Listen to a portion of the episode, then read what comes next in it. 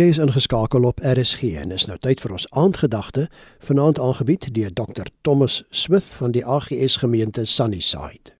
Goeienaand. Ons is besig om te kyk na die tema wat beteken Jesus se koms vir jou en my. Ons tweede gedagte vind ons in Lukas 4 vers 18. Die gees van die Here is op my omdat hy my gesalf het om die evangelie aan die armes te bring. Ek wil so 'n paar gedagtes rondom die waarheid deel.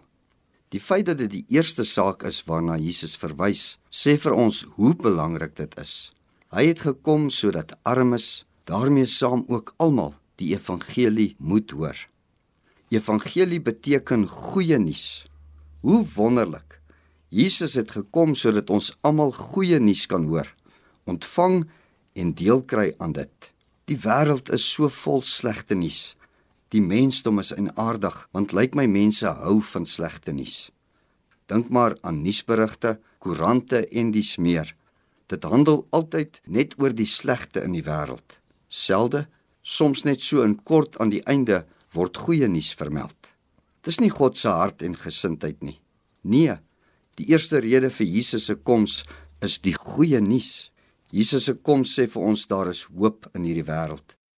Reeds met die aankondiging van sy geboorte in Lukas 2 vers 10 tot 11 sê die engele die volgende: Moenie vrees nie, want kyk, ek bring julle 'n goeie tyding van groot blydskap wat vir die hele volk sal wees. Dat vir julle vandag in die stad van Dawid gebore is die saligmaker wat Christus, die Here is. Die goeie nuus is, Jesus het vir ons gekom sodat daar vir ons redding en hoop kan wees. Maak nie saak hoe jou omstandighede vandag lyk nie. Wat in jou lewe gebeur nie. God het jou lief en sy goeie nuus aan jou is: Hy is daar vir jou en sal jou deurdra en help. Vertrou op hom. Kom ons bid saam.